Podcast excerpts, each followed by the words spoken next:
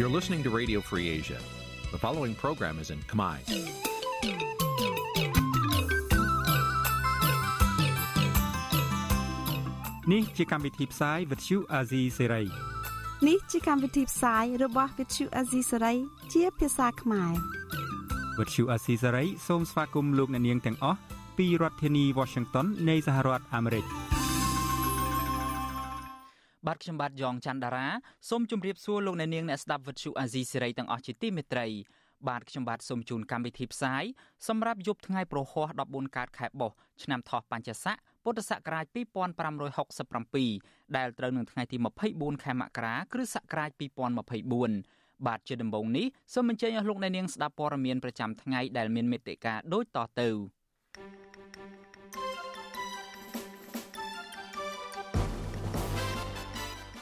អង្គការ Human Rights Watch ស្នើឲ្យរដ្ឋាភិបាលទម្លាក់បទចោទនិងដោះលែងលោកនីណាជាបន្ទាន់លោកហ៊ុនម៉ាណែតបញ្ជាក់ជាថ្មីទៀតថាគ្មានមូលដ្ឋានយោធាចិនលើទឹកដីកម្ពុជាឡើយក្រសួងមហាផ្ទៃរៀបចំបង្កើតបញ្ជីខ្មៅកត់ត្រាអ្នកបើកបរនៅក្នុងស្ថានភាពស្រវឹងបង្កគ្រោះថ្នាក់ចរាចរណ៍ តឡាការធម្មនុញ្ញថៃរកឃើញថាមេបកប្រឆាំងថៃលោកភិថាលឹមចរិនរ័ត្នមិនមានទោសនៅក្នុងសំណុំរឿងភាគហ៊ុនជាមួយនឹងក្រុមហ៊ុន ITV នោះទេរួមនឹងព័ត៌មានសំខាន់សំខាន់មួយចំនួនទៀតបាទជាបន្តទៅទៀតនេះខ្ញុំបាទយ៉ងច័ន្ទដារាសូមជូនព័ត៌មានទាំងនេះពឺស្ដា បាទលោកអ្នកនាងជាទីមេត្រីយើងផ្ដើមព័ត៌មានរបស់យើងនៅថ្ងៃនេះគឺតាក់ទងទៅនឹងថាព្រះសង្ឃនិងតំណាងសហគមន៍ខ្មែរនៅប្រទេសអូស្ត្រាលីប្រតិកម្មចំពោះរដ្ឋលេខាធិការក្រសួងយុតិធធគឺលោកកឹមសន្តិភាពដែលពួកគាត់ចោទថាបន្តផ្ញើសារបែបគំរាមកំហែងនិងបំបែកបំបាក់សហគមន៍ខ្មែរនៅទីនោះ។ បាទប្រតិកម្មបែបនេះគឺបន្ទាប់ពីមនុស្សជំនិតរបស់លោកហ៊ុនម៉ាណែតរូបនេះបានបង្ហោះសារឲ្យតំណាងសហគមន៍ខ្មែរឈប់ប្រើប្រាស់វត្តអារាមនៅក្រៅប្រទេសគឺជាទីជំរកនយោបាយខណៈតំណាងសហគមន៍ខ្មែរបានប្រកាសជួបជុំពិគ្រោះយោបល់គ្នានៅក្នុងវត្តខ្មែរមែលប៊ននៅថ្ងៃអាទិត្យសប្តាហ៍នេះអំពីគម្រោងធ្វើបាតកម្មប្រឆាំងនឹងដំណើរទស្សនកិច្ចរបស់លោកហ៊ុនម៉ាណែតបាទយើងប្រកុលនេតិនេះជូនលោកថាថៃរាយការណ៍ជូនលោកអ្នកនាង។ ស្របពេលតំណាងសហគមន៍ខ្មែរត្រៀមជួបពិគ្រោះយោបល់គ្នានៅក្នុងវត្តខ្មែរមែលប៊ននៅថ្ងៃទី28ខែមករាខាងមុខអំពីគម្រោងធ្វើបាតុកម្មប្រឆាំងវត្តមានលោកហ៊ុនម៉ាណែតនោះរដ្ឋលេខាធិការក្រសួងយុតិធម៌លោកកឹមសន្តិភាពដែលតែងតែជិះយន្តហោះមកជ្រៀតជ្រែកនិងបំបីបំបាក់សហគមន៍ខ្មែរនៅប្រទេសអូស្ត្រាលីជាប្រចាំក៏នៅមិនសុខស្រណុកខ្លួនឡើយលោកបានចាប់ផ្ដើមបើកឆាកវាយប្រហារនិងលៀបពណ៌តំណាងសហគមន៍ខ្មែរល្បីៗនៅប្រទេសអូស្ត្រាលីជាថ្មីម្ដងទៀត ព្រះសង្ឃនិងតំណាងសហគមន៍ខ្មែរលើកឡើងថាសាររបស់លោកកឹមសន្តិភាពដែលហាមិនអោយតំណាងសហគមន៍ខ្មែរយកវត្តអារាម ជាទីជួបជុំដើម្បីតស៊ូមតិសម្រាប់ផលប្រយោជន៍ជាតិនិងលើកដំកើងលទ្ធិប្រជាធិបតេយ្យនោះគឺជាសារបែបគម្រាមកំហែងនិងបំបែកបំបាក់សហគមន៍ខ្មែរអតីតតំណាងរាស្ត្រអូស្ត្រាលីដើមកំណើតខ្មែរនិងជាប្រធានសហព័ន្ធខ្មែរអូស្ត្រាលីសាជីវកម្មលោកហុងលឹមថ្លែងថាលោកក៏ជាមនុស្សម្នាក់ បានចូលរួមដឹកនាំកសាងវត្តខ្មែរនៅអូស្ត្រាលីដំបូងគេដើម្បីទុកជាកន្លែងប្រតិបត្តិព្រះពុទ្ធសាសនានិងថែរក្សាប្រពៃណីវប្បធម៌ខ្មែរនៅលើទឹកដីនៃប្រទេសពហុវប្បធម៌ចម្រុះជាតិសាសន៍មួយនេះលោកហុងលីបន្តថាការដែលប្រជាពលរដ្ឋខ្មែរជួបជុំគ្នាក្នុងវត្តអារាមដើម្បីបណ្ដុះគំនិតស្នេហាជាតិនិងការតស៊ូមតិនយោបាយដើម្បីឲ្យប្រទេសកម្ពុជាមានការគោរពសិទ្ធិមនុស្សនិងលទ្ធិប្រជាធិបតេយ្យគឺជារឿងត្រឹមត្រូវ ដែលមានជាយូរមកហើយនៅក្នុងប្រវត្តិសាស្ត្រនៃប្រទេសកម្ពុជាផ្ទុយទៅវិញលោកហុងលឹមយល់ថាក្រុមលោកគឹមសន្តិភាពនិងលោកហ៊ុនម៉ាណែតទៅវិញទេ ដែលជាអ្នកជន់ឈ្លីព្រះពុទ្ធសាសនានឹងតែងតែធ្វើទុកបុកម្នេញលើប្រសង់ដែលឈឺឆ្អាលរឿងសង្គមជាតិមុខរបស់វានឹងទូនីតិប្រាកិច្ចរបស់វានៅទីប្រាខានេះអត់មានធ្វើអីនៅស្រុកខ្មែរក៏មកមកទៅអូស្ត្រាលីនឹងដើម្បីបំផ្លិចបំផ្លាញសង្គមខ្មែរនៅនេះតែដើម្បីបំបាយបំបាក់ដើម្បីគេថាប្រតិបត្តិដើម្បីគម្រាមកំហែងដើម្បីធ្វើកិច្ចភ័យខ្លាចតា ហើយយើងយើងកំពុងពងរំជួបាយយ៉ាងម៉េចគួរតែកុំឲ្យវាមកមកធ្វើអំពើនេះព្រោះអានេះគឺថាវាប្រឆាំងបំពេញនឹងច្បាប់ដែលគេហៅថា foreign interference ប្រតិកម្មរបស់លោកហុងលីមនេះគឺបន្ទាប់ពីលោកកឹមសន្តិភាពប្រធានក្រុមការងាររៀបចំអង្គការចាត់តាំងយុវជនគណៈបកប្រជាជនកម្ពុជាប្រចាំប្រទេសអូស្ត្រាលីនិងនូវែលសេឡង់នៅថ្ងៃទី24មករាបានបង្ហោះសារលើគណនី Facebook របស់លោកដោយភ្ជាប់រូបថតលោកហុងលីមនិងប្រធានសមាគមខ្មែរលោកជីយឺហុន អមជាមួយសំណេរថាតើវត្តខ្មែរនៅក្រៅប្រទេសជាកន្លែងសម្រាប់ពុទ្ធសាសនិកគ្រប់ប្រតិបត្តិសាសនាឬនៅតែជាកន្លែងសម្រាប់មនុស្សមួយក្រុមប្រើប្រាស់ជាទីស្នាក់ការគណៈបកនយោបាយមន្ត្រីចំណិតរបស់លោកហ៊ុនម៉ាណែតដែលពូកែខាងគម្រាមកំហែងប្រជាពលរដ្ឋអ្នកនយោបាយបកប្រឆាំងនិងអ្នករិះគន់អំពីរឿងគុកច្រវាក់ជាសាធារណៈរូបនេះក៏តាំងខ្លួនជាអ្នកអប់រំគេថាគូណាស់រក្សាទុកទីអារាមនានាជាកន្លែងគោរពនិងប្រតិបត្តិព្រះពុទ្ធសាសនា ជាមជ្ឈមណ្ឌលវប្បធម៌អរិយធម៌ខ្មែរជាកន្លែងអប់រំបង្កើតមិត្តភាពសាមគ្គីភាពរបស់ពុទ្ធសាសនិកគ្រប់រូបក្នុងនាមជាបរិវត្តខ្មែរតែមួយលោកកឹមសន្តិភាពដែលកំពុងរងការចោទថាចូលមកជ្រៀតជ្រែកបំបីបំបាក់សហគមន៍ខ្មែរនិងវត្តអារាមព្រមទាំងបង្កើតអង្គការសមាគមคล้ายៗនៅទ្វីបអូសេអានីនេះក៏បានផ្ដាំតំណាងសហគមន៍ខ្មែរថាកុំបន្តយកទីអារាមធ្វើជាទីជំរកគណៈបកនយោបាយព្រោះជារឿងមិនត្រឹមត្រូវនិងអាក្រក់មើល ផ្ទុយពីការលើកឡើងរបស់លោកកឹមសន្តិភាពនេះតំណាងសហគមន៍ខ្មែរក៏សម្គាល់ថាក្រមលោកកឹមសន្តិភាពទៅវិញទេដែលគ្មានចិត្តបរិសុទ្ធគោរពព្រះពុទ្ធសាសនាហើយតែងមានមហិច្ឆតាក្នុងការបំបីបំបាក់និងត្រួតត្រាវត្តអារាមនិងព្រះសង្ឃនៅក្រៅប្រទេសឲ្យបម្រើផលប្រយោជន៍នយោបាយដល់ក្រុមអ្នកកាន់អំណាចសពថ្ងៃជាក់ស្ដែងដោយជាវត្តកាមេរ៉ារាំងសីនៅក្នុងរដ្ឋធានីកង់បេរ៉ានៃប្រទេសអូស្ត្រាលីដែលក្រុមលោកកឹមសន្តិភាពតែងតែចេញចូលជាញឹកញាប់នោះនៅទីបំផុត អតីតព្រះចៅអធិការវត្តមួយនេះគឺលោកវុនសាវឿនបានក្លាយជាអ្នកបម្រើនយោបាយឲ្យក្រុមលោកកឹមសន្តិភាពមកដល់សប្តាហ៍ថ្ងៃនេះមិនទាន់និយាយដល់គណៈបកកណ្ដាលអំណាចដែលបានប្រើបណ្ដាញត្រួតត្រាតាមវត្តអារាមនិងដាក់សម្ពាធប្រសង់និងមន្ត្រីសង្ឃនៅក្នុងស្រុកឲ្យទេសនាអគុណសន្តិភាពនិងប្រកាសគាំទ្រគណៈបកកណ្ដាលអំណាចនិងក្រុមគ្រួសារលោកហ៊ុនសែនវិទ្យុអាស៊ីសេរីមិនអាចតាក់ទងសុំការឆ្លើយតបពីលោកកឹមសន្តិភាពបានទេនៅថ្ងៃទី24មករាដោយលេខទូរស័ព្ទរបស់លោកមិនអាចតាក់ទងបាន ការបង្ហោះសាររបស់លោកកឹមសន្តិភាពនៅពេលនេះគឺស្របពេលដែលតំណាងសហគមន៍ខ្មែរតំណាងអង្គការនានានិងមន្ត្រីគណៈបកប្រឆាំងប្រចាំប្រទេសអូស្ត្រាលីបានប្រកាសក្រុងជួបពិភាក្សាគ្នានៅក្នុងវត្តខ្មែរមែលប៊ននៅថ្ងៃទី28មករាដើម្បីផ្លាស់ប្តូរយោបល់គ្នាសម្រាប់ត្រៀមធ្វើបាតុកម្មប្រឆាំងវត្តមានលោកហ៊ុនម៉ាណែតដែលក្រុងមកចូលរួមកិច្ចប្រជុំកំពូលអាស៊ានអូស្ត្រាលីនៅក្នុងទីក្រុងមែលប៊នចាប់ពីថ្ងៃទី4ដល់ថ្ងៃទី6ខែមិនិនា ព្រះសង្ឃគង់នៅវត្តខ្មែរមែលប៊នគឺប្រដេកព្រះគុណហ៊ុនប៊ុនយ៉ងមានធរណីកាថាលោកកឹមសន្តិភាពមិនបានគោរពព្រះពុទ្ធសាសនាពិតប្រាកដឡើយប្រដេជគុណបន្តថាប្រសិនបើលោកកឹមសន្តិភាពគោរពព្រះពុទ្ធសាសនាពិតប្រាកដនោះគួរតែដឹកនាំប្រទេសតាមបែបប្រជាធិបតេយ្យហើយឲ្យប្រសង់និងប្រជាពលរដ្ឋខ្មែរមានសិទ្ធិសេរីភាពបញ្ចេញមតិឲ្យបានពេញលេញក៏គាត់ធ្វើបែបប្រសង់ទាំងអីមិនបិទសិទ្ធិទាំងប្រជាពលរដ្ឋទាំងប្រសង់នៅស្រុកខ្មែរអង្គណាហ៊ាននិយាយអង្គណាហ៊ានថាដឹង ចោតចង្កាពិស័កអីហោហែដូចបងបានដឹងពីខាងដើមហើយខ្ញុំកឹមសឹងកឹមសន្តិភាពគាត់និយាយអត់ត្រូវទេចំណុចហ្នឹងបាទតំណាងសហគមន៍ខ្មែរដឹងថាបើទោះបីជាមានការជ្រៀតជ្រែកនឹងការគម្រាមកំហែងពីរដ្ឋាភិបាលកម្ពុជាក្តីក៏ពួកគាត់នឹងបន្តជួបជុំពិគ្រោះយោបល់គ្នាជាបន្តបន្ទាប់និងបន្តគម្រោងធ្វើបាតុកម្មទ្រង់ទ្រាយធំនៅមុខរដ្ឋសភារដ្ឋវិកតូរីយ៉ានៅថ្ងៃទី2ខែមីនាខាងមុខពួកគាត់បញ្ជាក់ថាការធ្វើបាតុកម្មនេះដើម្បីស្នើសុំឲ្យរដ្ឋាភិបាលអូស្ត្រាលីដាក់សម្ពាធទៅលោកហ៊ុនម៉ាណែត ឲ្យដោះលែងអ្នកទោសនយោបាយនិងអនុវត្តតាមកិច្ចព្រមព្រៀងសន្តិភាពទីក្រុងប៉ារីស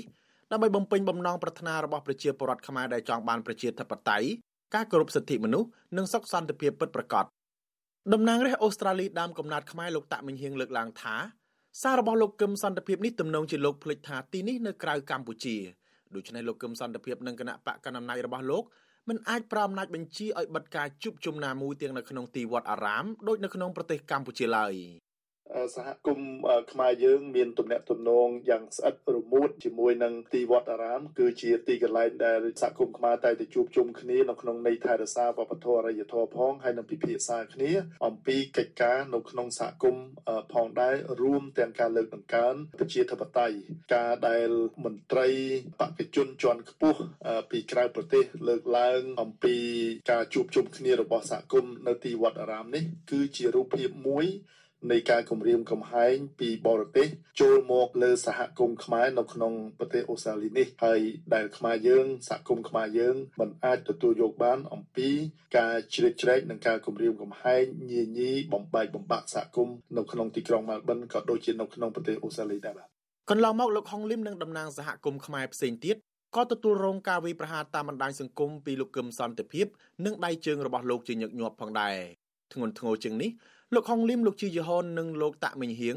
ក៏ទទួលបានលិខិតគម្រាមសម្លាប់ចំនួន2លើកពីជនមិនស្គាល់មុខដែលតាំងខ្លួនជាអ្នកការពារគ្រួសារលោកហ៊ុនសែនរដ្ឋាភិបាលអូស្ត្រាលីក៏មិនបានប្រងើយកន្តើយចំពោះករណីទាំងនេះដែរកាលពីឆ្នាំ2023រដ្ឋមន្ត្រីក្រសួងមហាផ្ទៃនិងជារដ្ឋមន្ត្រីក្រសួងសន្តិសុខអ៊ីនធឺណិតរបស់ប្រទេសអូស្ត្រាលី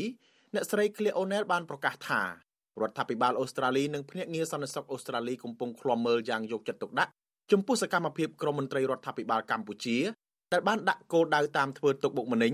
យាយីនិងបំផិតបំភ័យដល់ពលរដ្ឋខ្លួននៅលើទឹកដីអូស្ត្រាលីក្រៅពីនេះក្រុមតំណាងរាស្ត្រសហព័ន្ធអូស្ត្រាលីក៏តែងតែទាមទារជារឿយៗឲ្យរដ្ឋាភិបាលអូស្ត្រាលីបិទទឹកធការឬវីសាមិនឲ្យមន្ត្រីជាន់ខ្ពស់រដ្ឋាភិបាលលោកកឹមសន្តិភាពនិងក្មួយប្រុសរបស់លោកហ៊ុនសែនគឺលោកហ៊ុនតូចូលប្រទេសអូស្ត្រាលីតទៅទៀតខ្ញុំថាថៃពីទីក្រុងមែលប៊ន បលូននាងជាទីមេត្រីនៅឯប្រទេសថៃដែលជាប់នឹងក្បែរខាងកម្ពុជាវិញគឺថានៅថ្ងៃពុធនេះមានដំណឹងធំចុងក្រោយមួយតាក់ទងទៅនឹងស្ថានភាពនយោបាយគឺថាតុលាការធម្មនុញ្ញរបស់ថៃបានរកឃើញថាលោកពិថាលឹមចរិនរ័ត្នអតីតមេបកគណៈបកឈ្មោះទៅមុខឬមួយក៏ជាភាសាអង់គ្លេសដែលយើងហៅថា Move Forward Party នោះมันបានរំលោភច្បាប់តាក់ទងទៅនឹងរឿងគ្រួសាររបស់លោកមានភាគហ៊ុនជាមួយនឹងក្រុមហ៊ុន ITV នោះទេ បាទតុលាការធម្មនុញ្ញថៃក៏បានសម្រេចថាលោកពិថាអាចចូលធ្វើការនៅក្នុងរដ្ឋសភានៅក្នុងនាមជាតំណាងរាស្ត្រវិញបានក្រោយពីតុលាការកំពូលមួយនេះព្យួរអភ័យឯកសិទ្ធិតំណាងរាស្ត្ររបស់លោកអស់មួយរយៈពេលកន្លងទៅនេះ។ បាទនៅពេលបន្តិចទៀតនេះយើងនឹងមានការបកស្រាយដោយផ្ទាល់អំពីរឿងនេះរបស់លោកជីវិតាហើយលោកជីវិតាក៏នឹងប្រៀបធៀបទស្សនវិជ្ជាខ្លះៗនៃតុលាការរបស់ថៃជាមួយនឹងតុលាការរបស់កម្ពុជានៅក្នុងសំណុំរឿងរបស់មេបកប្រឆាំងដែរសូមលោកអ្នកនាងរងចាំស្ដាប់ការបកស្រាយដោយផ្ទាល់របស់លោកជីវិតានៅពេលបន្តិចទៀតនេះបាទកម្មវិធី Vithu Azizi ស្រីសម្រាប់ទូរស័ព្ទដៃ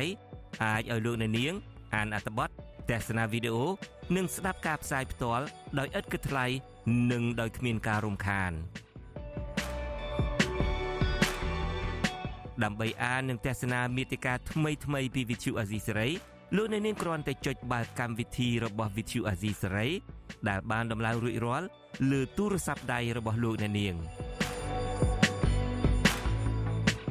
ប្រសិនបើលោកអ្នកនាងចង់ស្ដាប់ការផ្សាយផ្ទាល់ឬការផ្សាយចាស់ចាស់សូមចុចលើប៊ូតុងរូបវិទ្យុដែលស្ថិតនៅផ្នែកខាងក្រោមនៃកម្មវិធីជាការស្រេច។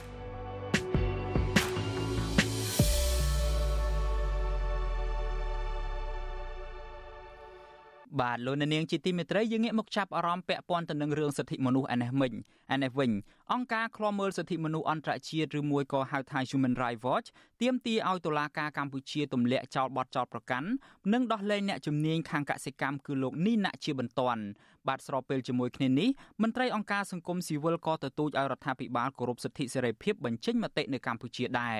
បាទកញ្ញាខណ្ឌលក្ខណារាយការណ៍ព័ត៌មាននេះ សេចក្តីថ្លែងការណ៍របស់អង្គការឃ្លាំមើលសិទ្ធិមនុស្សអន្តរជាតិ Human Rights Watch ចេញផ្សាយនៅថ្ងៃទី24មករាលើកឡើងថាអាញាធរកម្ពុជាគួរតែទម្លាក់ចោលបទចោទប្រកាន់ទាំងអស់ប្រឆាំងនឹងលោកនីណាដែលជាអ្នករិះគន់រដ្ឋាភិបាល ហើយត្រូវបានសមត្ថកិច្ចចាប់ខ្លួនកាលពីថ្ងៃទី5មករាពាក់ព័ន្ធនឹងការបញ្ចេញមតិរឿងកាត់ដី91ហិកតាឲ្យឈ្មោះហេងសួរ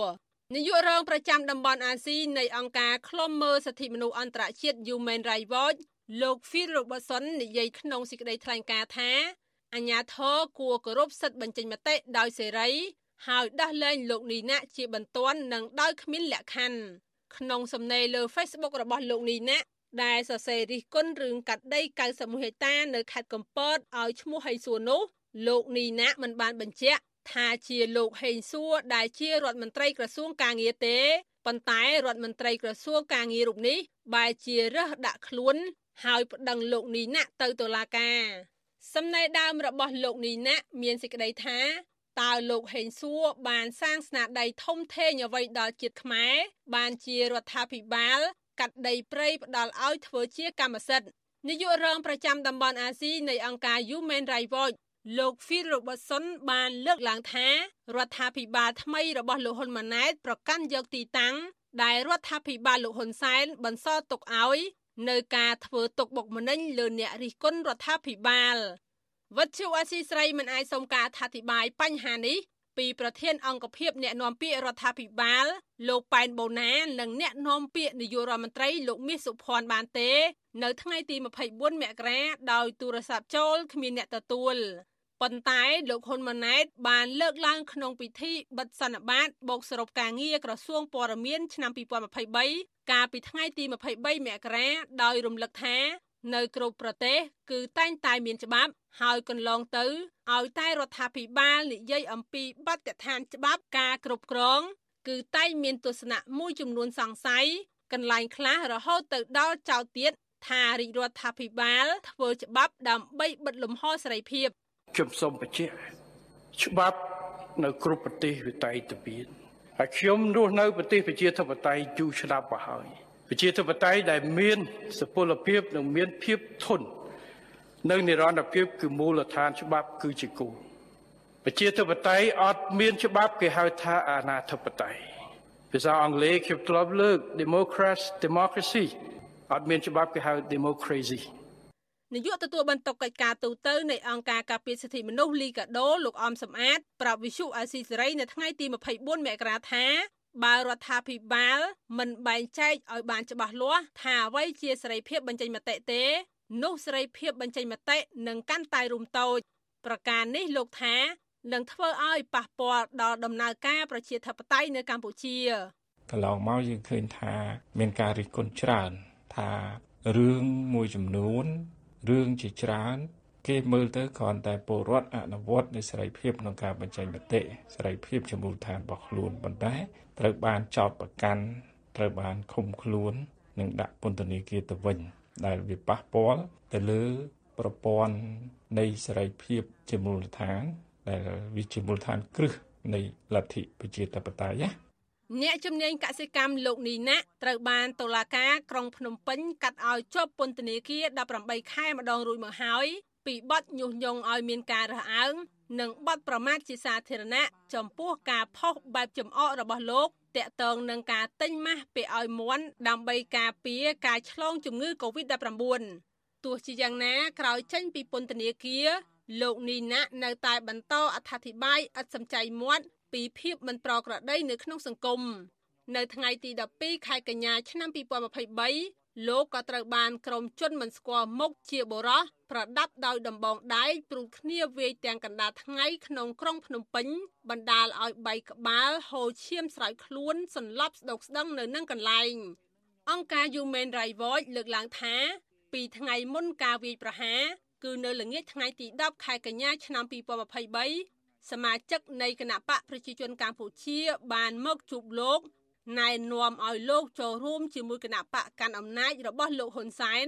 ហើយប្រមានលោកកុំឲ្យរិះគន់រដ្ឋាភិបាលជាសាធារណៈបន្តទៀត លោកនេះអ្នកត្រូវបានសមត្ថកិច្ចចាប់ដាក់ពន្ធនាគារជាថ្មីទៀតនៅថ្ងៃទី5មករាក្រោមបណ្ដឹងរបស់លោកហេងសួរដែលជារដ្ឋមន្ត្រីក្រសួងកាងារពាក់ព័ន្ធនឹងការបញ្ចេញមតិរបស់លោកនីណារឿងកាត់ដី91ហិកតានៅខេត្តកំពតឲ្យឈ្មោះហេងសួរនាយករងអង្គការ Human Rights Watch លោក Phil Robertson បានលើកឡើងថាលោកនាយករដ្ឋមន្ត្រីហ៊ុនម៉ាណែត កំពុងបន្តដើរតាមផ្លូវរំលោភសិទ្ធិមនុស្សដោយឪពុករបស់លោក ហើយអ្នករិះគន់ចំចំនៅកម្ពុជាដោយលោកនីណានឹងទទួលរងនឹងការរំលោភបំពានយ៉ាងធ្ងន់ធ្ងរដដែលខ្ញុំខណ្ឌលក្ខណាវុទ្ធុអាស៊ីសេរី បាទលោកអ្នកនាងជាទីមេត្រីលោកអ្នកនាងមួយចំនួនប្រហែលជាបានជ្រាបស្រាប់ហើយថាពាក់ព័ន្ធទៅនឹងរឿងវត្តមានយោធារបស់ចិននៅក្នុងមូលដ្ឋានកងទ័ពជើងទឹករៀមរបស់កម្ពុជានោះគឺជាប្រធានបទដ៏ក្តៅគគុកនិងមានការជជែកវែកញែកច្រើនឥឡូវនេះលោកហ៊ុនម៉ាណែតដែលជានាយករដ្ឋមន្ត្រីថ្មីបន្តវេនពីលោកហ៊ុនសែនដែលជាឪពុកនោះបានចេញមុខបញ្ជាក់ជាថ្មីម្ដងទៀតថាកម្ពុជាមិនអនុញ្ញាតឲ្យមានមូលដ្ឋានកងទ័ពបរទេសណាមួយមានវត្តមាននៅលើទឹកដីកម្ពុជាឡើយ។ ក៏ប៉ុន្តែមន្ត្រីអង្គការសង្គមស៊ីវិលនិងមន្ត្រីគណៈបកប្រឆាំងលើកឡើងថាការអះអាងតែមាត់បែបនេះគឺមិនទាន់អាចជឿទុកចិត្តបាននោះទេ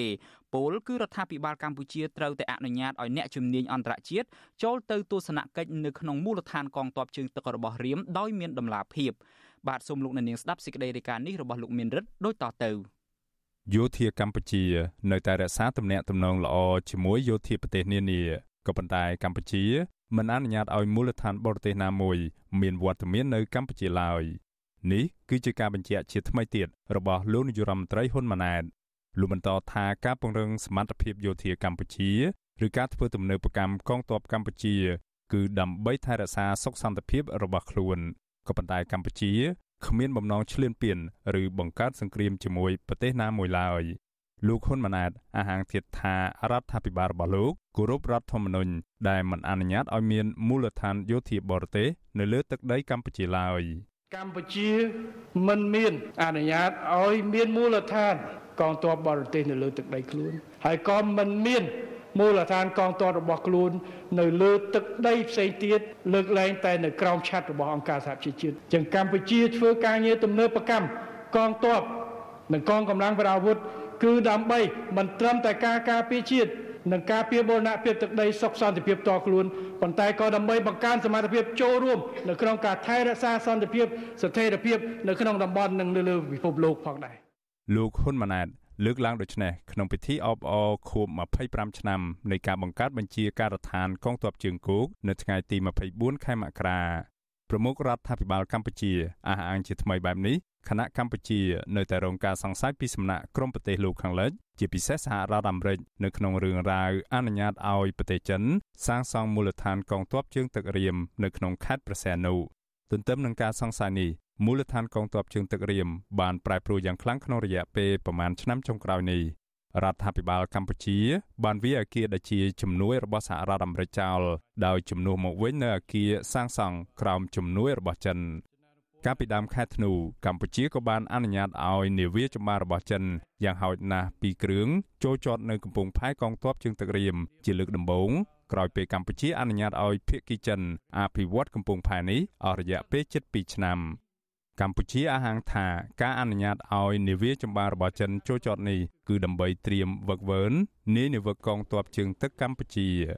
ការចូលចតជាលើកដំបូងនៃនាវាចម្បាំងរបស់ចិននេះត្រូវអ្នកជំនាញភូមិសាស្ត្រនយោបាយមើលឃើញថាជាការសាក់លបងចង់ដឹងពីប្រតិកម្មអន្តរជាតិជុំវិញអធិបុលយោធារបស់ចិននៅកម្ពុជា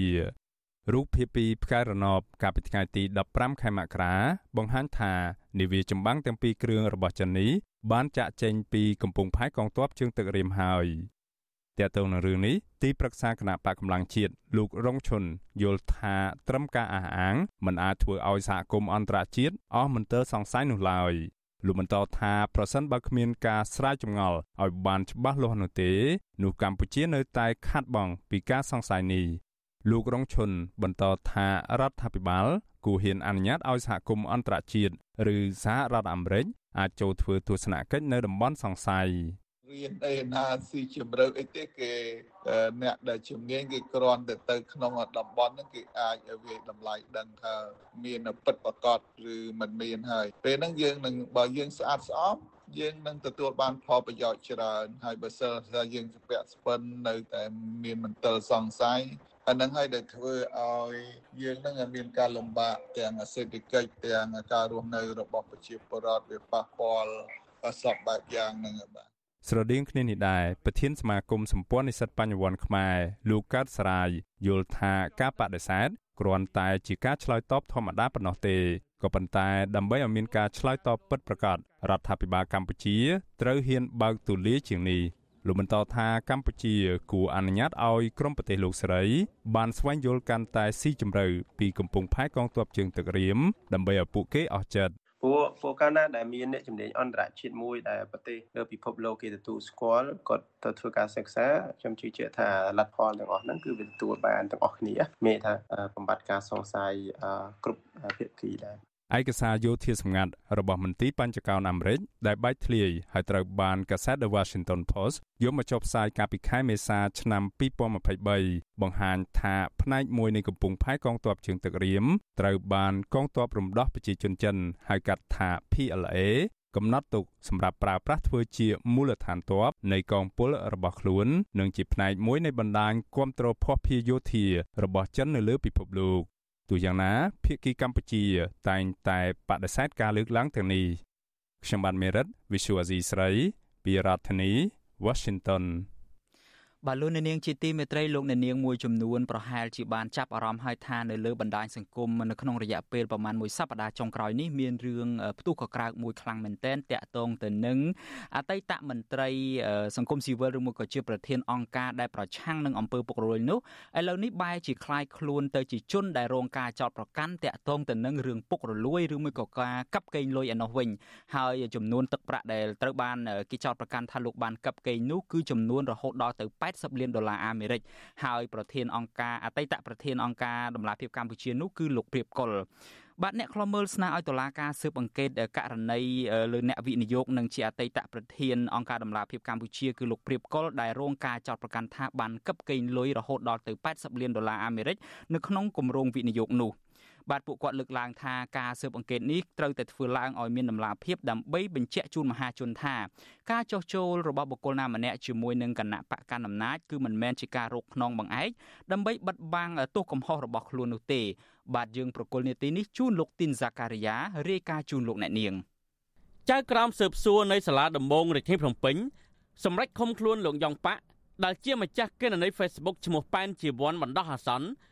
នៅមណ្ឌលកែប្រែទី1មក1ហើយកាលពីថ្ងៃទី20មករាដើម្បីបន្តចំណាត់ការស៊ើបសួរបន្ថែមទៀតតាមនីតិវិធីច្បាប់ក្រោយពីសាកសួរនិងពិនិត្យភស្តុតាងអ្នកនាំពាក្យសាលាដំបងរាជធានីភ្នំពេញលោកអេរិនប្រាប់វិទ្យុអាស៊ីសេរីតាមបណ្ដាញ Telegram នៅថ្ងៃទី24មករាថាការឃុំខ្លួននេះបន្ទាប់ពីព្រះអាជ្ញារងនៃអាយកាអមសាលាដំបងរាជធានីភ្នំពេញលោកសេងហៀងនៅថ្ងៃទី19មករា បានចេញដីកាបង្គាប់ឲ្យកម្លាំងសមត្ថកិច្ចនាំខ្លួនលោកយ៉ងប៉ាក់ដែលតុលាការអះអាងថាគឺជាម្ចាស់គណនី Facebook ឈ្មោះប៉ែនជីវ័នមកការិយាល័យប្រឆាំងបទល្មើសបច្ចេកវិទ្យាតាមពាក្យបណ្ដឹងរបស់រដ្ឋមន្ត្រីប្រតិភូអមនាយករដ្ឋមន្ត្រីលោកព្រៀបកុលក្រោយពីម្ចាស់គណនី Facebook រូបនេះ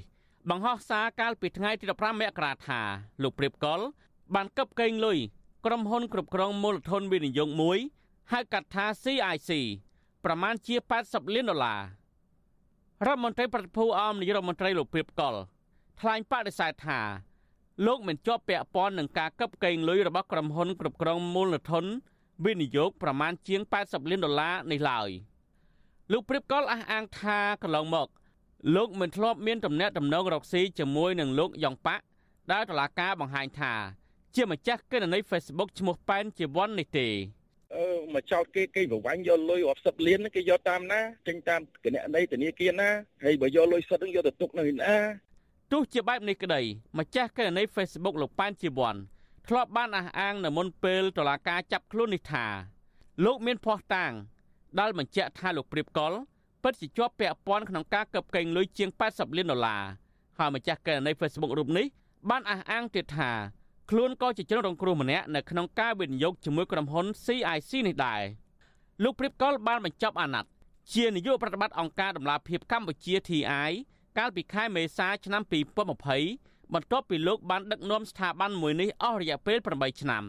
ក្រោយពីចាកចេញពីអង្គការប្រឆាំងនឹងអំពើពុករលួយនេះដែលជាស្ថាប័នធ្លាប់វាតម្លៃនិងឲ្យបន្ទុកទៀបដល់រដ្ឋាភិបាលកម្ពុជាលើការស្ដារប្រជាធិបតេយ្យនិងគោរពសិទ្ធិមនុស្សហើយ លោកព្រៀបកុលបានងាកមកផ្ដោតលើចំនួនក្នុងវិស័យអចលនទ្រព្យវិញដោយលោកបានគ្រប់គ្រងក្រុមហ៊ុនអចលនទ្រព្យជាច្រើនក្នុងនោះលោកក៏ជាប្រធានក្រុមប្រឹក្សាភិបាលនិងជាគ្រូបង្គោលនៃក្រុមហ៊ុនអចលនទ្រព្យទិញលក់ជួលឯកទេសលើវិស័យដីធ្លី នៅទូទាំង24ខេត្តរាជធានីផងដែរក្រោយពីប្រឡូកចូលលើវិស័យអចលនទ្រព្យហើយលោកព្រៀបកុលបានប្រកាសចោះចូលជាមួយគណៈបកប្រជាជនកម្ពុជា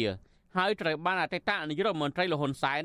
តែងតាំងជារដ្ឋមន្ត្រីប្រតិភូអមនាយករដ្ឋមន្ត្រី កាលពីខែឧសភាឆ្នាំ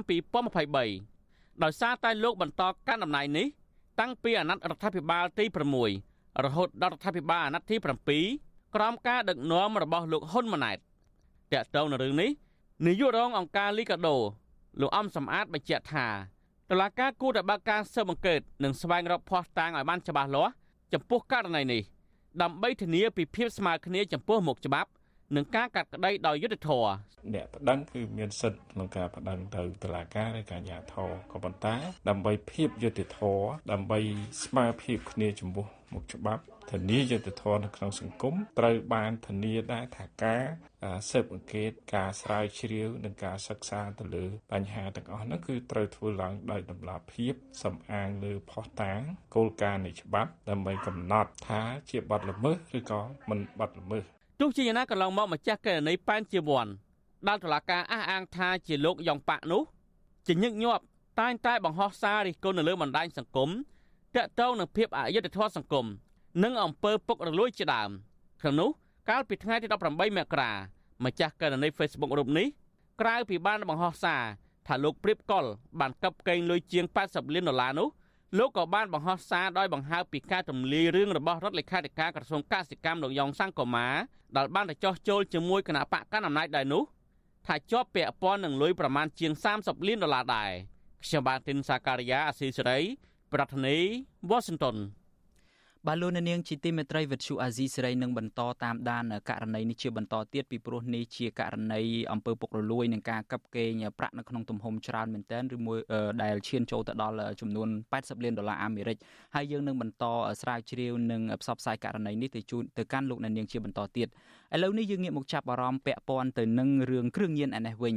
មន្ទីរប្រឆាំងបទល្មើសគ្រឿងញៀនបានឃាត់ខ្លួនជនបរទេសចំនួន5នាក់និងរឹបអូសបានគ្រឿងញៀនចំនួនជាង1500គីឡូក្រាមកាលពីថ្ងៃទី22មករាក៏ប៉ុន្តែសមត្ថកិច្ចទើបតែបានផ្សព្វផ្សាយព័ត៌មាននេះជាសាធារណៈនៅថ្ងៃទី24ខែមករានេះ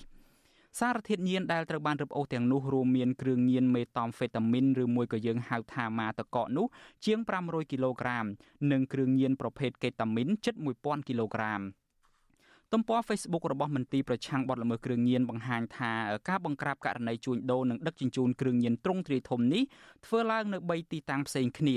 ទី1គឺនៅកំពង់ផែកំពេញស្ថិតនៅក្នុងស្រុកស្ទឹងហាវខេត្តប្រសេះហនុទី2នៅផ្ទះជួលគ្មានលេខស្ថិតនៅក្នុងផ្លូវទំនប់រលកភូមិលេខ3សង្កាត់លេខ1ក្រុងប្រសេះហនុ និងទី3ផ្ទះលេខ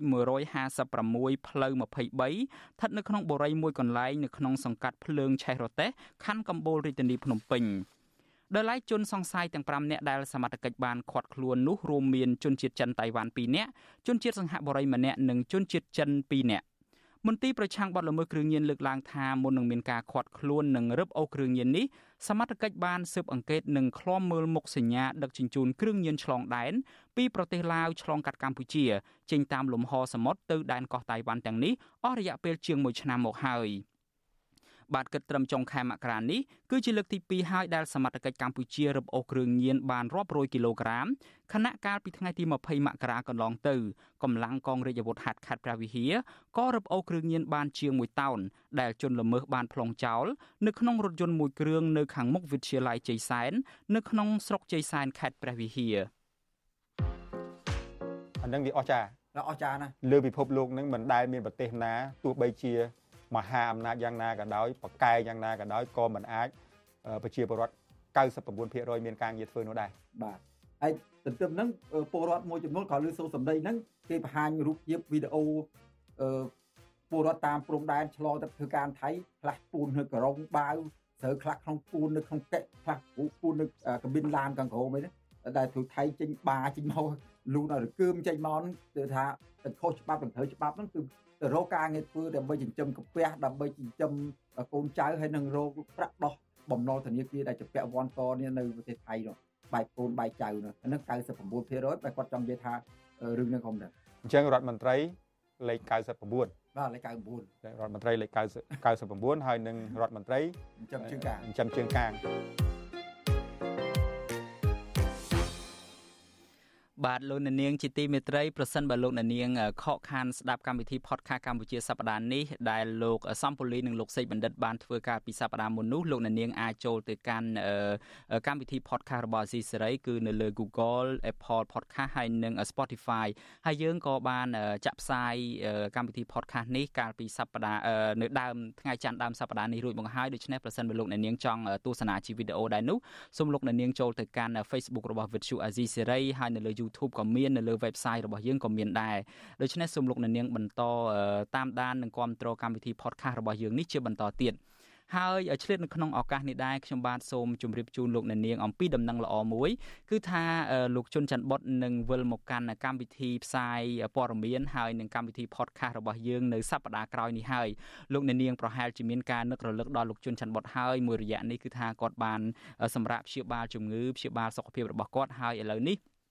ស្ថានភាពសុខភាពរបស់លោកជុនច័ន្ទបុតនឹងមានភាពល្អប្រសើរខ្លាំងមែនទែនហើយហើយលោកនឹងវិលមកកាន់កម្មវិធីផ្សាយរបស់យើងនៅសប្តាហ៍ក្រោយនេះដូច្នេះសូមលោកអ្នកនាងរងចាំវត្តមានរបស់លោកជុនច័ន្ទបុតនៅក្នុងសប្តាហ៍ក្រោយនេះបាទសូមអរគុណ បាទលោកនាងជាទីមេត្រីឥឡូវនេះយើងបានទទួលដំណឹងមួយទៀតពីអ្នកស្រីសុជីវីមកថាក្រសួងមហាផ្ទៃបានរៀបចំបង្កើតបញ្ជីខ្មៅកត់ត្រាអ្នកបើកបរនៅក្នុងស្ថានភាពស្រវឹងហើយបង្កគ្រោះថ្នាក់ចរាចរណ៍បណ្ដាលឲ្យអ្នកដទៃរងរបួសឬមួយក៏បាត់បង់អាយុជីវិតបាទអ្នកជំនាញផ្នែកសុវត្ថិភាពចរាចរណ៍លើកឡើងថាការបង្កើតបញ្ជីខ្មៅនេះគឺជាចំណុចចាប់ផ្ដើមនៃការជជែកអំពីបញ្ហាសុវត្ថិភាពចរាចរណ៍បាទសូមលោកអ្នកនាងស្ដាប់ព័ត៌មាននេះរបស់អ្នកស្រីសុជីវីដូចតទៅ ក្រសួងមហាផ្ទៃកំពុងរៀបចំបង្កើតបញ្ជីខ្មៅកត់ត្រាអ្នកបើកបរនៅក្នុងស្ថានភាពស្រវឹងហើយបង្កគ្រោះថ្នាក់ចរាចរណ៍ក្រោយពីចំនួនគ្រោះថ្នាក់ចរាចរណ៍បានឆក់យកជីវិតមនុស្សនិងបន្សល់ទុកជនរងគ្រោះរាប់ពាន់នាក់នៅក្នុងមួយឆ្នាំមួយឆ្នាំរដ្ឋមន្ត្រីក្រសួងមហាផ្ទៃលោកសសុខា កាលពីថ្ងៃទី23ខែមករាបានបង្ហោះសារនៅលើទំព័រ Facebook ផ្លូវការថាក្នុងរយៈពេលពេញមួយឆ្នាំ2023គ្រោះថ្នាក់ចរាចរណ៍ បណ្ដាលឲ្យជនរងគ្រោះជិត2000នាក់បានស្លាប់នៅលើដងផ្លូវហើយមូលហេតុនៃសោកនាដកម្មនេះគឺបណ្ដាលមកពីការបើកបរក្រោមឥទ្ធិពលនៃគ្រឿងស្រវឹងលោកសសុខាបន្តថាការបញ្ជាយានយន្តនៅក្នុងស្ថានភាពស្រវឹងជាការប្រមាថអាយុជីវិតខ្លួនឯងហើយអាចក្លាយជាឃាតករគ្រប់វិនាទីលោកឲ្យដឹងថាក្រសួងមហាផ្ទៃកំពុងបង្កើតបញ្ជីខ្មៅដើម្បីកត់ត្រានិងគ្រប់គ្រងទិន្នន័យអ្នកបើកបរនៅក្នុងស្ថានភាពស្រវឹង ហើយបង្កគ្រោះថ្នាក់ចរាចរណ៍បណ្ដាលឲ្យអ្នកដទៃរបួសឬបាត់បង់អាយុជីវិត។តកតនៅរឿងនេះដែរថ្លែងនៅក្នុងពិធីបិទសន្និបាតបូកសរុបការងារឆ្នាំ2023និងលើកទិសដៅការងារបន្តឆ្នាំ2024របស់ក្រសួងព័ត៌មានកាលពីថ្ងៃទី23ខែមករាលោកនាយករដ្ឋមន្ត្រីហ៊ុនម៉ាណែតទទួលស្គាល់ថាការស្លាប់របស់ពលរដ្ឋកម្ពុជាបណ្ដាលមកពីគ្រោះថ្នាក់ចរាចរណ៍មានចំនួនច្រើនជាងគ្រោះថ្នាក់ផ្សេងទៀត ដូចជាគ្រោះថ្នាក់បណ្ដាលមកពីយុទ្ធភ័ណ្ឌមិនទាន់ផ្ទុះលោកហ៊ុនម៉ាណែតក៏ដាក់បញ្ជាឲ្យអាជ្ញាធរពង្រឹងការអនុវត្តច្បាប់ចរាចរណ៍និងបញ្ឈប់ការផ្សព្វផ្សាយជំរុញលើកទឹកចិត្តឲ្យពលរដ្ឋប្រើប្រាស់គ្រឿងស្រវឹងហួសហេតុតាមកញ្ចក់ទូរទស្សន៍ថ្ងៃមុនបានប្រជុំហើយជាមួយស្ថានីយទូរទស្សន៍គឺឥឡូវហាមអាផ្សាយបិទប៉ាណូរឿងមួយប៉ុន្តែដាក់ពាក្យអប់រំជាមួយផឹកបើថាបើកបរស្រវឹងកំបើកបរស្អីស្អីចឹងទៅប៉ុន្តែ អារឿងនេះអារឿងឡើងវាយបុកអីហៅមនុស្សទៅគាត់ផឹកគាត់អីអត់ទេសូមឲ្យស្ថានីយទូរទស្សន៍ទាំងអស់គឺឈប់ឲ្យធ្វើដល់ទៅអ្នកជំនាញផ្នែកសវត្ថភាពចរាចរណ៍លោកគង់រតនាប្រាប់វិទ្យុអាស៊ីសេរីនៅថ្ងៃទី24ខែមករាថាលោកសង្កេតឃើញថាពលរដ្ឋកម្ពុជា នៅមិនទាន់យល់ដឹងពីច្បាប់ចរាចរណ៍នៅឡើយទេ ដែលជាហេតុនាំឲ្យការបើកបរនៅក្នុងស្ថានភាពស្រវឹងនិងល្មើសច្បាប់ចរាចរណ៍នៅតែមានជាបន្តទៀត លោកបន្តថាចំពោះការបង្កើតបញ្ជីខ្មៅកត់ត្រាអ្នកបើកបរនៅក្រោមឥទ្ធិពលគ្រឿងស្រវឹងហើយបង្កគ្រោះថ្នាក់ចរាចរណ៍វិញអាចជាផ្នែកមួយធ្វើឲ្យពលរដ្ឋងាកមកគោរពច្បាប់ចរាចរណ៍ហើយបើកបរគ្មានសារធាតុស្រវឹងប៉ុន្តែលោកថាដើម្បីបង្ការគ្រោះថ្នាក់ចរាចរណ៍នៅក្នុងរយៈពេលវែងរដ្ឋាភិបាលនិងអាជ្ញាធរគួរតែបង្កើនការផ្សព្វផ្សាយ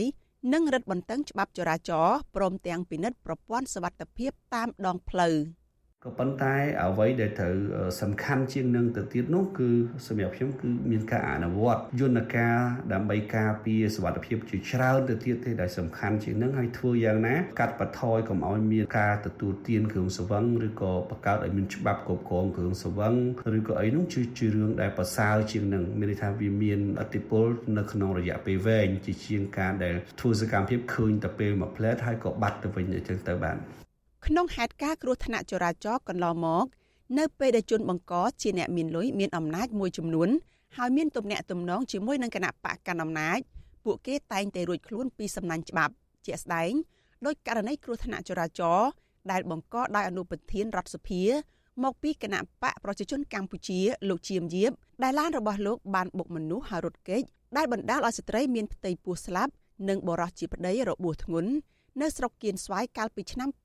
2013ករណីមួយទៀតអភិបាលខេត្តមណ្ឌលគិរីលោកថងសវុនក៏បានបើកឡានទំនើបបុកពលរដ្ឋ2នាក់ឲ្យស្លាប់ភ្លាមៗកាលពីខែកញ្ញាឆ្នាំ2021ហើយមកទល់នឹងពេលនេះអាជ្ញាធរក៏មិនទាន់ស្រាវជ្រាវនិងផ្ដល់យុត្តិធម៌ដល់ជនរងគ្រោះនៅឡើយទេករណីមួយផ្សេងទៀតជនបង្កឈ្មោះព្រំវិចិត្រសុសក្តា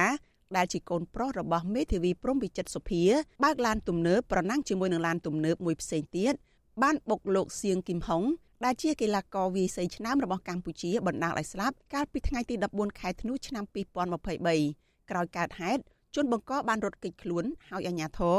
បានត្រឹមតែអំពាវនាវឲ្យជនបង្កចូលខ្លួនសារភាពកំហុសដោយគ្មានចំណាត់ការណាមួយឡើយរហូតទាល់តែនាយករដ្ឋមន្ត្រីគឺលោកហ៊ុនម៉ាណែតដាក់បញ្ជាឲ្យអាជ្ញាធរចាប់អ្នកបើកបររថយន្តរូបនោះទើបជនបង្កចូលខ្លួនសារភាពនាងខ្ញុំសុជីវីវិទ្យុអាស៊ីសេរី ពីរដ្ឋធានី Washington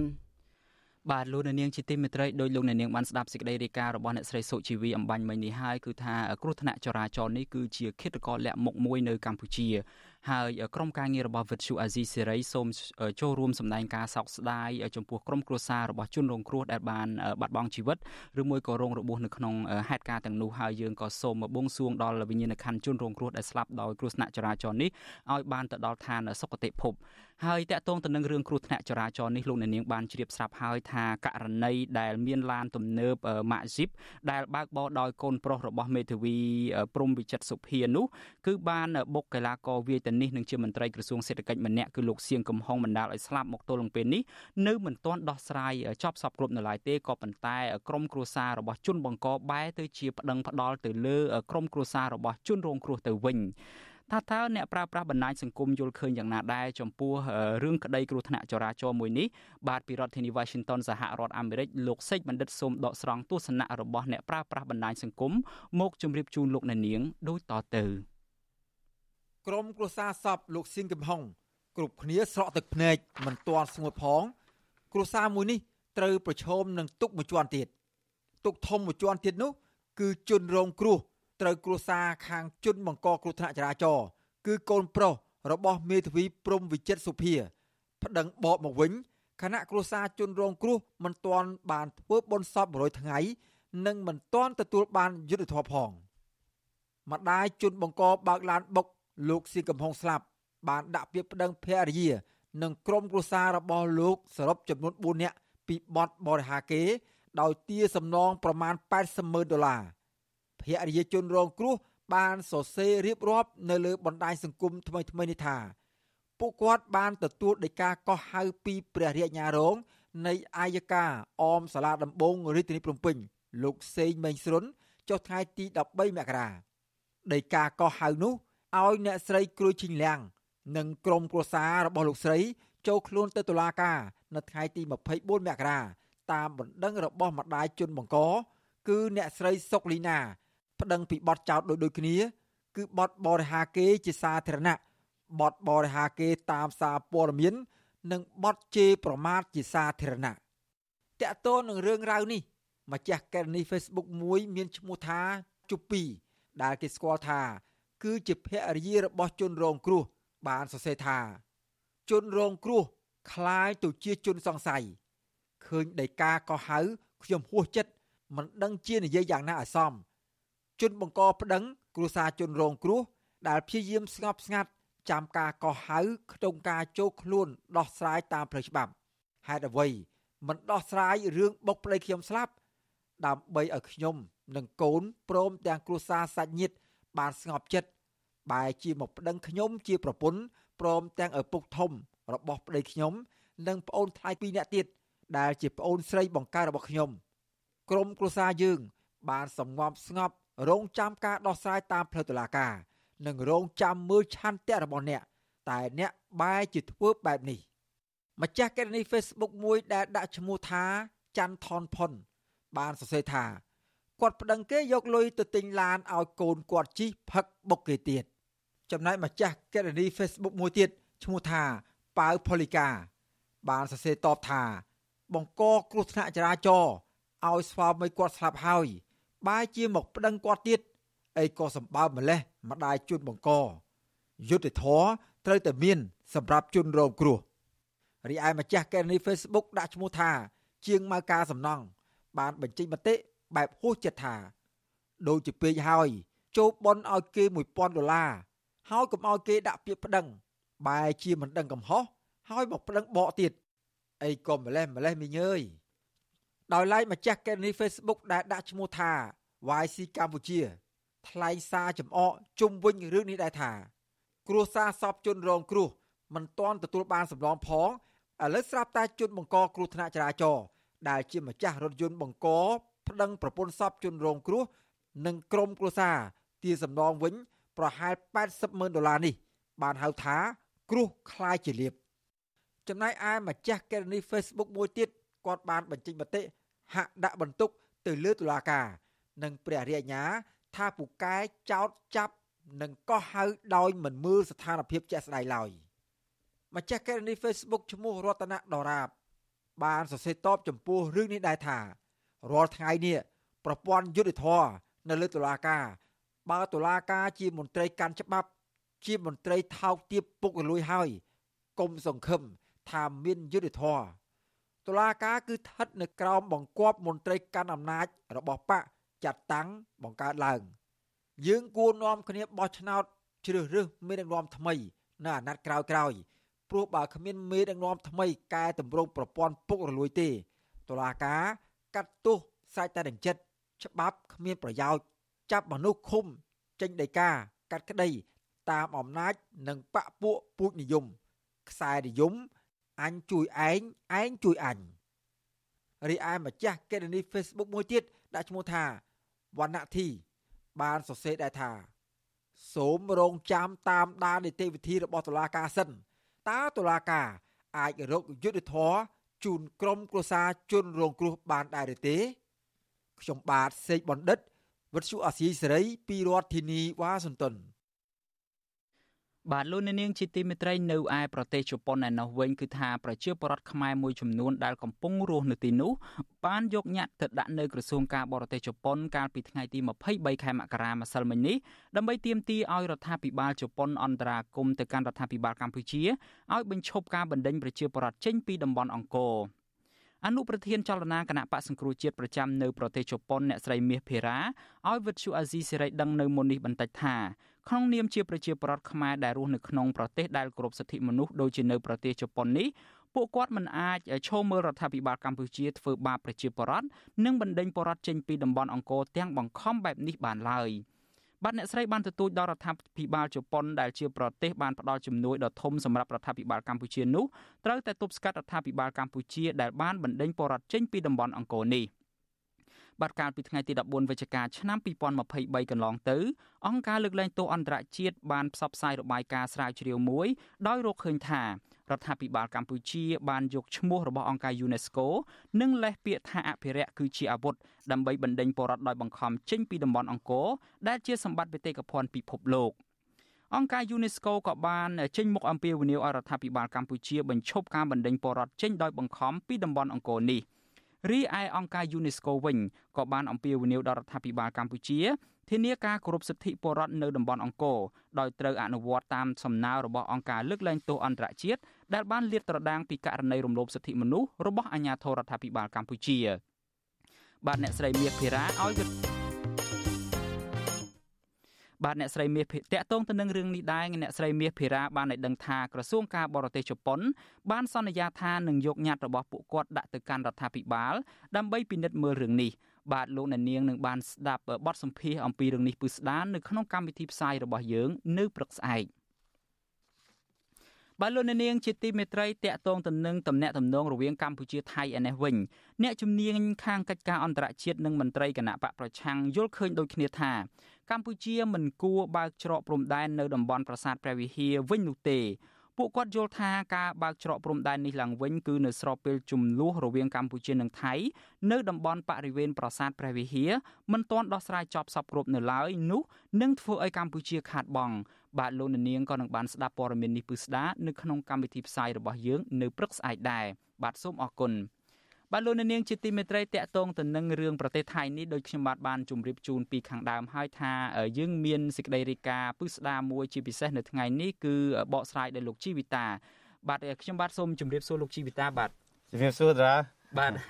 ជំរាបសួរលោកនាងអ្នកស្ដាប់ទាំងអស់ជាទីមេត្រីបាទ បាទអរគុណលោកជីវិតាច្រើនដែលបានចូលខ្លួនមកក្នុងកម្មវិធីរបស់យើងនៅថ្ងៃនេះអ្វីមួយដែលលោកជីវិតាពំនាំមកកាន់លោកអ្នកនាងនៅពេលនេះគឺតាក់ទងទៅនឹងស្ថានភាពនយោបាយនៅឯប្រទេសថៃបាទយើងទទួលដំណឹងថានៅថ្ងៃនេះគឺថាគណៈបកប្រឆាំងរបស់មេដឹកនាំគណៈបកប្រឆាំងរបស់ថៃគឺថាលោកពិថាលឹមចរិនរ័ត្នហ្នឹងគឺថាត្រូវបានតុលាការធម្មនុញ្ញថៃរកឃើញហើយថាលោកមិនបានប្រព្រឹត្តកំហុសឯណាមួយនៅក្នុងសំណុំរឿងដែលគ្រួសាររបស់លោកមានភាគហ៊ុនជាមួយនឹងក្រុមហ៊ុនទូរទស្សន៍ ITV នោះទេហើយតុលាការធម្មនុញ្ញរបស់ថៃហ្នឹងក៏សម្រេចថាលោកពិថាអាចវិលទៅធ្វើការនៅក្នុងរដ្ឋសភាជាតំណាងរាស្ត្រវិញហើយដូច្នេះនៅពេលនេះលោកហាក់ដូចជាទទួលបាននៅសិទ្ធិសេរីភាពនៅក្នុងការធ្វើនយោបាយជាផ្លូវការវិញហើយដូច្នេះសូមផ្ដល់នីតិនេះជូនលោកជីវិតាថាតើលោកចាប់អារម្មណ៍យ៉ាងម៉េចតាក់ទងទៅនឹងរឿងការសម្រេចរបស់តុលាការធម្មនុញ្ញថៃនៅពេលនេះបាទសូមអញ្ជើញបាទអរគុណតារាបាទ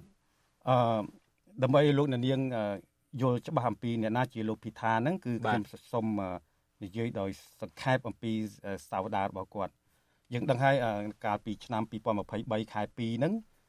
មានការបោះឆ្នោតសកលមួយនៅក្នុងស្រុកថៃហ្នឹងហើយគណៈបក Move Forward Party គណៈបកឈ្មោះទៅឈ្មោះទៅមុខហ្នឹងដែលមានលោកភីថាជាប្រធានគណៈបកហ្នឹងឈ្នះឆ្នោតឈ្នះលើសលប់ឈ្នះច្រើនមែនតើហើយ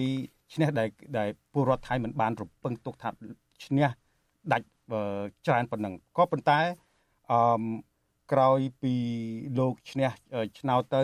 ដែលគេរំពឹងថានឹងคล้ายទៅជានាយករដ្ឋមន្ត្រីវ័យក្មេងមួយនោះគឺមានមានបណ្ដឹងបាទមានបណ្ដឹង2ទៅក្រមប្រឹក្សាទៅតុលាការរដ្ឋធម្មនុញ្ញតុលាការធម្មនុញ្ញថៃបណ្ដឹងទី1គឺតាក់ទងនឹងភាគហ៊ុនរបស់គាត់ឬក៏គ្រួសាររបស់គាត់នៅក្នុងក្រុមហ៊ុន ITV មួយបាទបាទហើយបណ្ដឹងមួយទៀតតាក់ទងនឹង អឺការចោទប្រកាន់ថាគាត់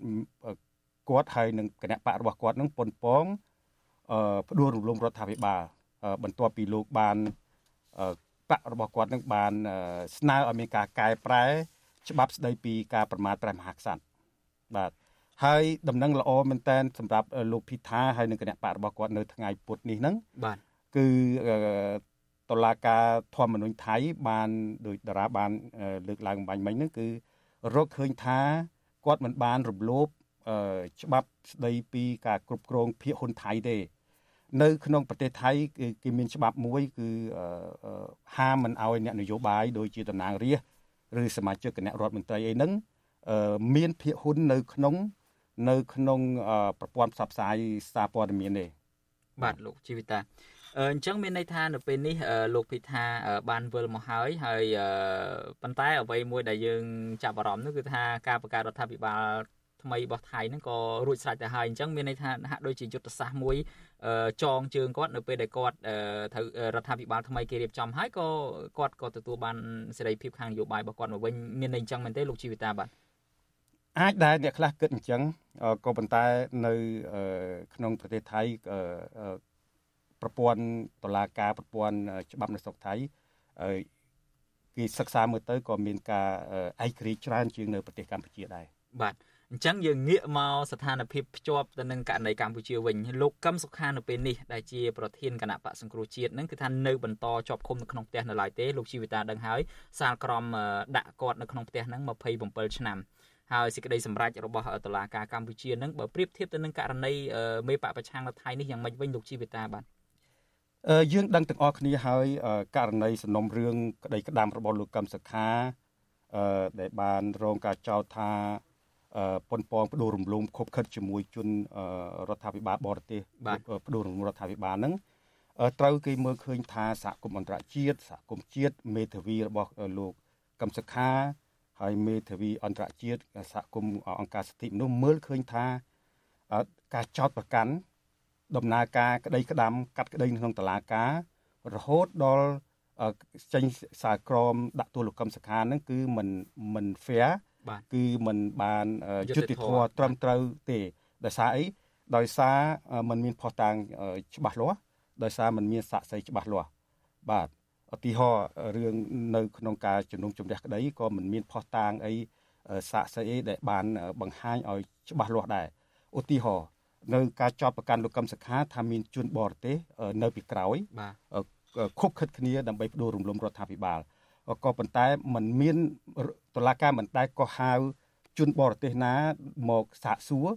ឬមកផ្ដល់សក្ខីកម្មនៅក្នុងតឡាការទេបាទរហូតដល់ចេញអឺសារក្រម